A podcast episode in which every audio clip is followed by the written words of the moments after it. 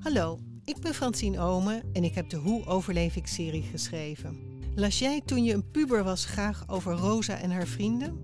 En heb je nu net zoveel behoefte, of misschien nog wel veel meer, aan survival tips? Luister dan naar Hoe overleef ik de podcast.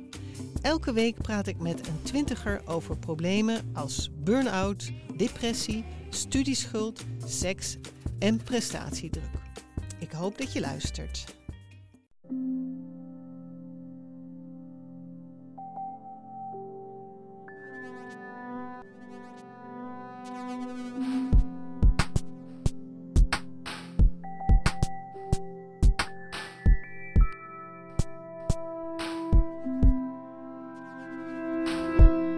Hey, ik ben Pieter van Relaas. In Relaas hoor je waar gebeurde verhalen en die worden verteld door de mensen die ze zelf hebben meegemaakt. We hebben een nieuwe vriend van de show, Esther Schelfhout is haar naam. Esther, deze podcast is er week na week omdat jij vanaf nu in ons team zit. Go Team Relaas. We gaan luisteren naar Elise. Elise zit in haar relaas niet goed in haar vel. Je kent dat gevoel misschien, maar Elise is niet iemand die bij de pakken blijft zitten. Elise is een vrouw van de actie. Misschien gaat Elise ook wel iets te impulsief aan de slag wanneer ze voelt dat er iets niet klopt. Maar dat vinden wij niet erg van relaas, want dat levert een heel mooi verhaal op.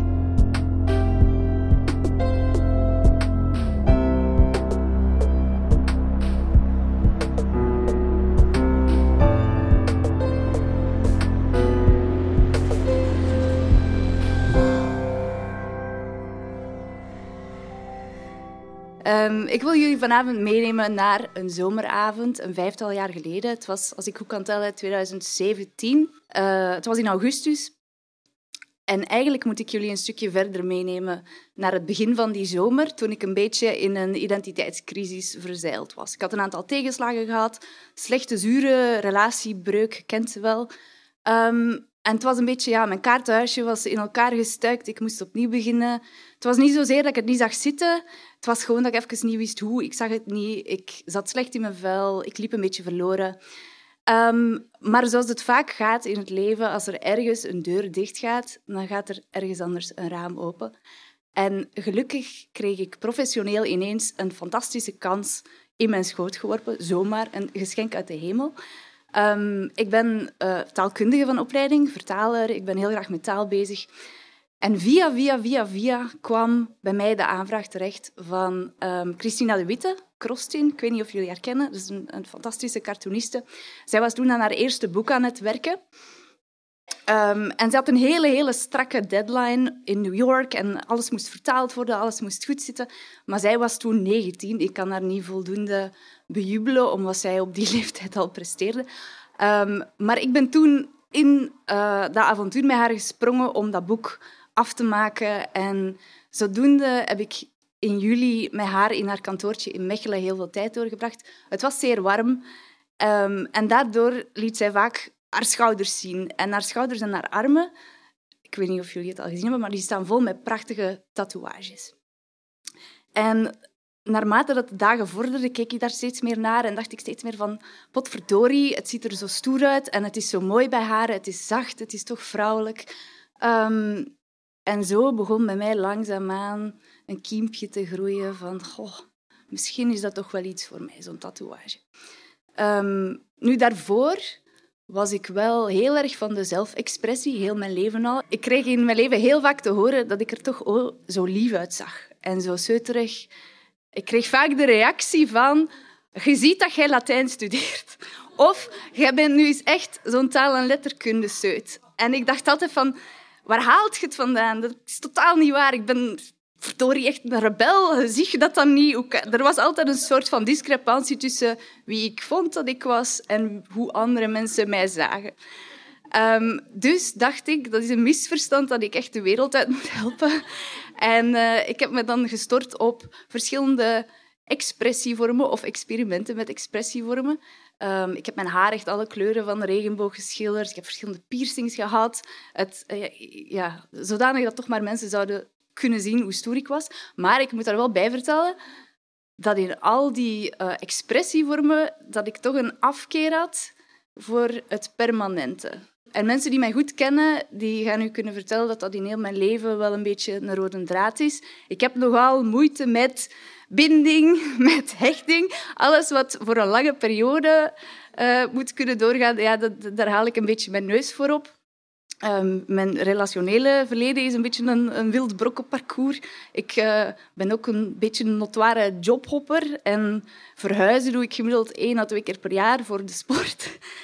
Um, ik was onlangs, ik ga nu opnieuw naar Brussel verhuizen en ik ben dus op zoek naar een woning. En als ik dan die huurcontracten zie van 369, dan denk ik, vertel mij alsjeblieft dat het over maanden gaat. Maar dan blijkt het over jaren te gaan. Dan denk ik, drie jaar, weet je hoe lang dat, dat is? Ik heb nog nooit ergens drie jaar gewoond. En dan uh, denk ik laat al maar, ik, ik bekijk het wel weer. Um, het enige permanente dat ik ooit heb gewaagd, was een, een, een permanent in mijn haar. En de, de koep ontplofte poedel die daarvan het gevolg was, dat was voor mij echt de druppel om te beslissen van nee, alles waar permanent voor staat, laat ik aan mij voorbij gaan. Dat, dat is niks voor mij. Um, maar dus, tatoeage, ja, op een of andere manier... Allez, ik wou zeggen om een of andere reden, en die reden is nu heel duidelijk. Hè. Ik zat midden in een identiteitscrisis. Uh, dacht ik toen van, goh ja, een tatoeage Volgens mij is dat het. Dat is de, de, soort, de soort daad, de, de daad, de catharsis die ik nodig heb om uh, mijn plek in de wereld opnieuw te vinden en om aan iedereen te tonen wie ik ben en om, om die pagina om te slaan. Ik ga ervoor. En uh, nu, ik teken zelf ook heel graag. En Christina was er. En, en goh, zo begon het idee te ontstaan. En ik had meteen een, een, een, idee in mijn hoofd. Ik wou het niet te moeilijk maken. Ik wou ook niks groots, niks schreeuwerigs. Ik wou eigenlijk gewoon op de binnenkant van mijn arm een aantal wilde bloemen. Gewoon een, een klein bosje, niks te opzichtigs. Um, en ik had daar voor mezelf, vond ik, echt een, een wondermooie symboliek achter gevonden. Namelijk, wilde bloemen, die duiken altijd op op plekken waarvan je denkt... Zo'n een godvergeten bushalte ergens aan de rand van een industrieterrein. Um, daar komen die dan zo tussen de betonplaten even uitgekronkeld om zo op zoek naar een straaltje zonlicht. Um, maar die fleuren die boel daar wel op. En je staat dan op je bus te wachten, echt op, een verschrikkelijke plek, grauw-grijs. En dan zie je ze daar en dan denk je van, goh, je staat hier toch maar mooi bloem te wezen. En, en je, hebt toch een manier gevonden om hier tot bloei te komen in deze verschrikkelijke grijsheid.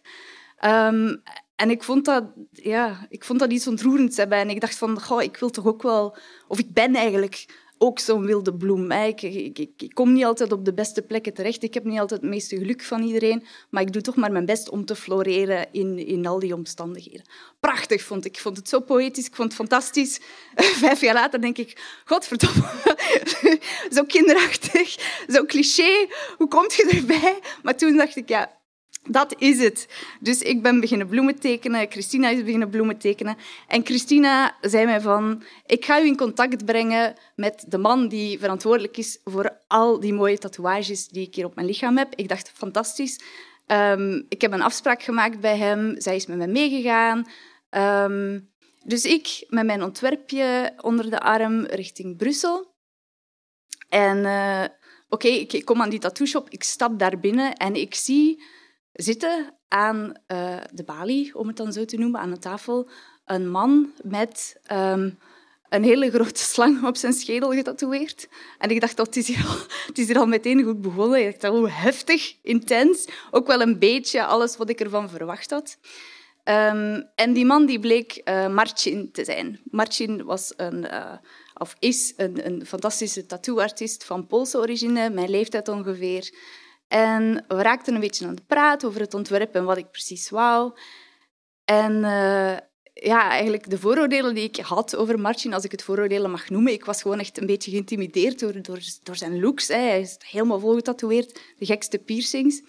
Um, maar Martin is, zoals veel tattooartiesten en ik denk ook veel kappers en nog een aantal andere beroepen waar ik momenteel niet aan denk, die zijn deels tattooartiest, slash kapper, maar ook voor een groot deel psycholoog, therapeut, uh, noem het op. Dus die, die, hij heeft ook echt die gave om te luisteren naar uw verhaal en om die emotionele laag daarin te ontdekken en te beseffen van oké, dit, is, dit is waar je doorgaat, dit is wat het symboliseert, dit is wat je wilt.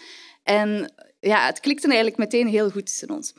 Um, pakte er dan meteen zijn iPad Pro bij. Uh, en, en, eigenlijk binnen de tien minuten had hij een ontwerp gemaakt waarvan ik dacht, ja, tip-top, dat mag op mijn arm, is goed. Hij zegt, perfect, ik heb straks nog plek, kom maar terug tegen vijf uur, um, dan doen we het gelijk. Ik in de zevende hemel, ik dacht, helemaal top. Gaan we doen. Ik ging nog een wandeling maken door Brussel. Ik kom terug aangestruind rond vijf uur, happy, happy. Um, en Martin was op dat moment bezig aan een hele grote backpiece. Zo echt iets, iets voor de echte tattoo-fans. Zo'n heel groot, impressionant uh, huzarenstuk op iemands rug. En hij zei, ja, het gaat, het gaat iets langer duren, maar ik, ik, ik ga mij straks echt wel bezighouden met, u, met uw dingen. En Um, om nu even nog een, een, een, kanttekening te maken bij Martin zijn portfolio. Hij is gespecialiseerd in van die mega grote, super realistische, alsof je naar een foto kijkt, tatoeages. Het is te maf voor woorden hoeveel talent dat die man heeft. En het was eigenlijk al een beetje gek dat, ik daar toe kwam met mij, kunt je drie bloempjes op mijn arm zetten? Gaat dat lukken? Want ja, ik ben zelf nogal een controlefreak en, en ik teken zelf graag. Dus ik, ja, voordat ik iemand het, het vertrouwen geef van jij zult wel in staat zijn om dit tot een goed einde te brengen. Ja, dat was voor mij niet zo evident. Maar bon, hij kreeg, die, die kreeg dat, uh, dat vertrouwen van mij. Dus ik kom toe. Het blijkt allemaal veel, veel, veel, veel langer te duren. Maar ik vond dat eigenlijk niet zo erg. Ik zat echt helemaal in de vibe van alles voelt goed vandaag. Het weer was supermooi. Um, en die tattoo shop was gelegen in een straatje in Brussel. Daarnaast was een, een super tof café. Het was echt zo'n heel gezellig uh, cul-de-sacje een soort pleintje ook. Dus iedereen liep daar af en aan, stond buiten, sigaretjes roken, wijntjes drinken. Uh, iedereen sprak met iedereen en ik liep dus in en uit die tattoo-shop. Um, waar ook nog eens Black Sabbath speelde, wat ik fantastisch vond. Ik, ik, was daar helemaal van, alles klopt vandaag, dit, dit, is, dit kan alleen maar goed gaan. Um, en de uren verstreken en rond elf uur was het dan eindelijk aan mij. Ik zat er dan tegen, oh, tellen, een zestal uurtjes al een beetje met mijn duimen te draaien. Um, en toen begon het hele proces van passen en meten. Van oké, we hadden dan onze, onze schets en een stencil ervan gemaakt. Maar dan beginnen zo de anatomische dingen waar je als um, tattoo noob of als tattoo uh, amateur uh, op voorhand niet te veel bij hebt stilgestaan. Dus dan begin je te zeggen van ja, het moet toch iets meer naar daar, of het moet toch allemaal net iets groter, want anders gaat het niet mooi zijn. Um, maar ik was helemaal in die, in die roes van, oh, doe maar, je hebt mijn volledige vertrouwen, uh, doe alles wat je wilt, ik, ik, ik lig er niet van wakker, jij gaat dit fantastisch doen. Um, dus hij, doet, en dan gingen we tatoeëren. Um, en ik had verwacht A, dat het een beetje pijn zou doen, dat viel gelukkig mee. En B, wist ik ook dat ik de controlefreak in mezelf even ging moeten loslaten. Want ik dacht, als ik nu ga kijken naar elke lijn die hij trekt, dan word ik zot en dan loop ik hier waarschijnlijk na drie lijnen gillend buiten. Dus ik dacht, eh, of ik had mezelf voorgenomen, en dat is ook gelukt, om de hele tijd niet te kijken.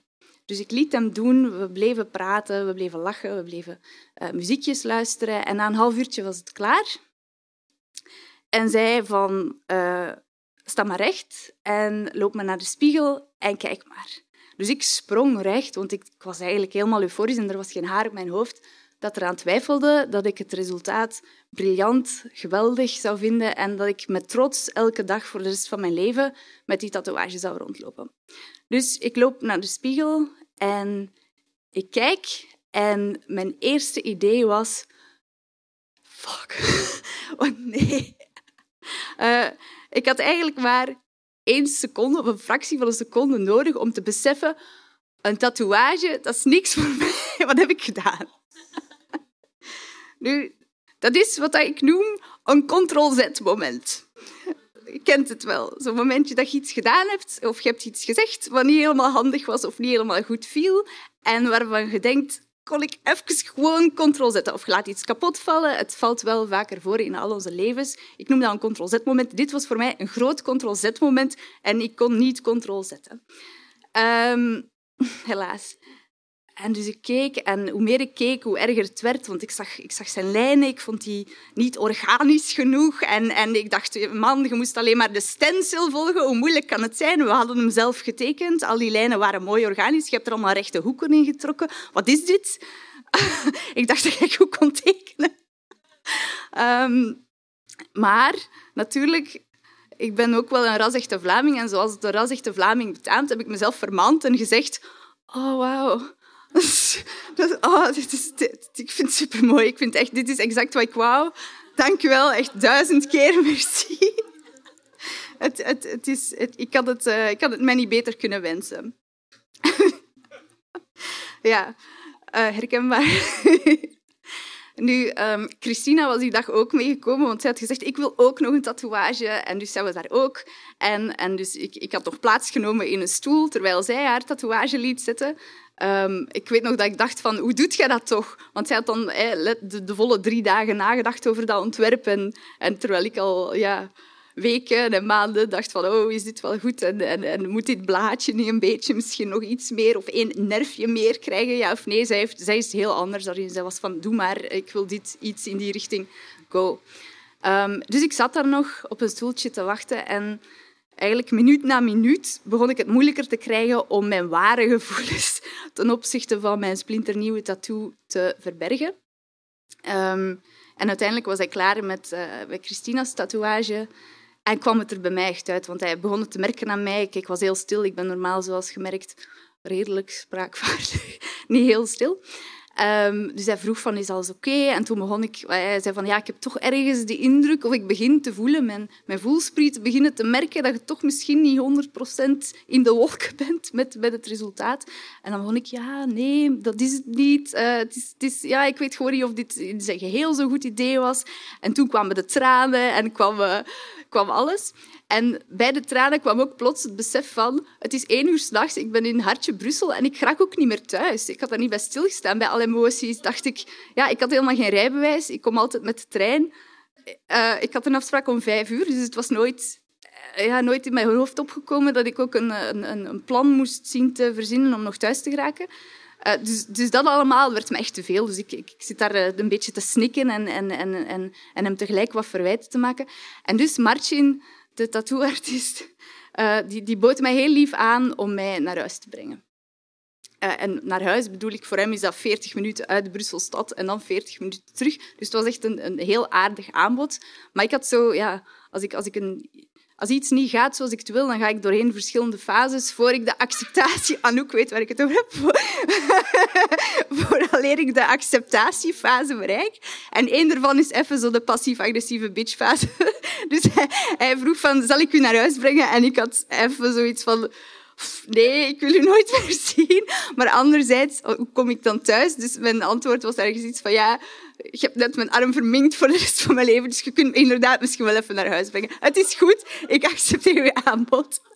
En dus uh, we stappen in de auto. Het was een zeer bizarre rit, want ik, ik probeerde intussen ja, toch ook een zekere coolheid te bewaren. Want ik, ik was dus, ja, konden we op dat moment wel vaststellen, gefaald in mijn opzet van ik ga stoer zijn en ik ga een tattoo laten zetten. Want er zijn niet veel mensen die dan huilend buiten komen en denken dit is het domste dat ik ooit al gedaan heb. Laat staan dat ze dat laten merken aan, aan iedereen. Dus ik probeerde toch iets van ja, mijn, mijn stoere uh, intenties te bewaren. Dus ik, ik zit met de vermannen, we zitten in de auto. Marcin intussen die, die, die begint zijn emoties over de avond met mij te delen. Want hij zegt, ja, je moet begrijpen, voor mij is dit ongezien. Dit is, um, hij, is, hij is echt een, een gerenommeerd tattooartiest in heel de wereld bekend. Mensen plannen bij hem afspraken in een jaar op voorhand. Geen probleem. Ze komen uit Canada, ze komen uit Tsjechië. Het maakt dan niet uit. Ze willen door hem getatoeëerd worden. En als dat dan gebeurt, dan wordt hij alleen maar gelauwerd en geprezen en bedankt en alles van dat. Uh, maar nooit wordt hij, zeker niet als hij een flut-tatoeage van drie bloemetjes gezet heeft, um, uh, huilend getrakteerd op een stortvloed aan um, nog net geen verwijten. Um, dus Martin deelt die kant van zijn verhaal in de auto. Ik ben heel stil, omdat ik natuurlijk heel druk al zit te googelen van hoeveel kost het om een tatoeage te laten weglezeren? Um, hoe lang moet ik wachten om een tatoeage te laten weglezeren? Doet het pijn? Al die dingen. Hij heeft mij uiteindelijk thuis afgezet. En um, het goede nieuws is, Martin en ik zijn sindsdien hele goede vrienden geworden en we lachen nu hartelijk om heel dat gebeuren. Um, ik heb de gewoonte om hem om de zoveel maanden een keer op te bellen om te vragen of ik toch nog zeker steeds zijn meest ontevreden klant ever ben. En dan zegt hij, ja, natuurlijk, dat trieste dieptepunt van mijn carrière kan nooit meer geëvenaard worden. En dan denk ik, yes, die titel pakken ze mij tenminste niet meer af.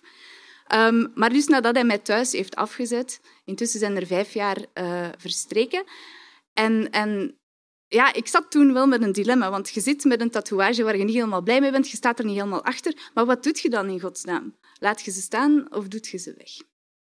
Um, ik heb voorlopig gekozen om ze te laten staan. Uh, ten eerste, ik ga niet liegen uit gemakzucht. het kost wat geld, het is moeilijk te regelen. Um, maar ten tweede ook omdat ik merk dat die tatoeage me toch wel een aantal lessen heeft geleerd waar ik nog steeds veel aan heb. Um, ten eerste heb ik daardoor, natuurlijk ook nog door andere gebeurtenissen in mijn leven, maar mede ook hierdoor, omdat het zo fysiek is en het, het staart u letterlijk elke dag in uw gezicht aan, um, moeten leren dat er soms dingen gebeuren in het leven die je gewoon moet accepteren, omdat je ze niet zo makkelijk opnieuw kunt veranderen. Helaas, hoe graag je dat ook zou willen. Um, maar anderzijds, en misschien nog belangrijker, heb ik geleerd dat ik ook mezelf gewoon moet accepteren zoals ik ben. En um, dat het misschien niet nodig is om mij anders of stoerder of cooler voor te doen dan ik eigenlijk ben.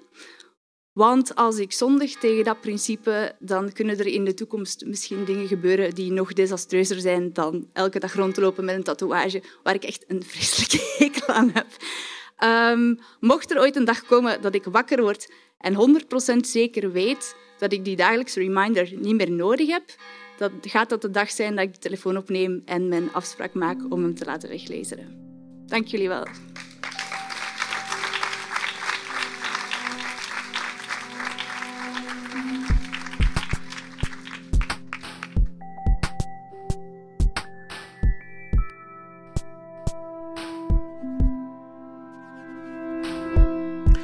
Dat was het relaas van Elise.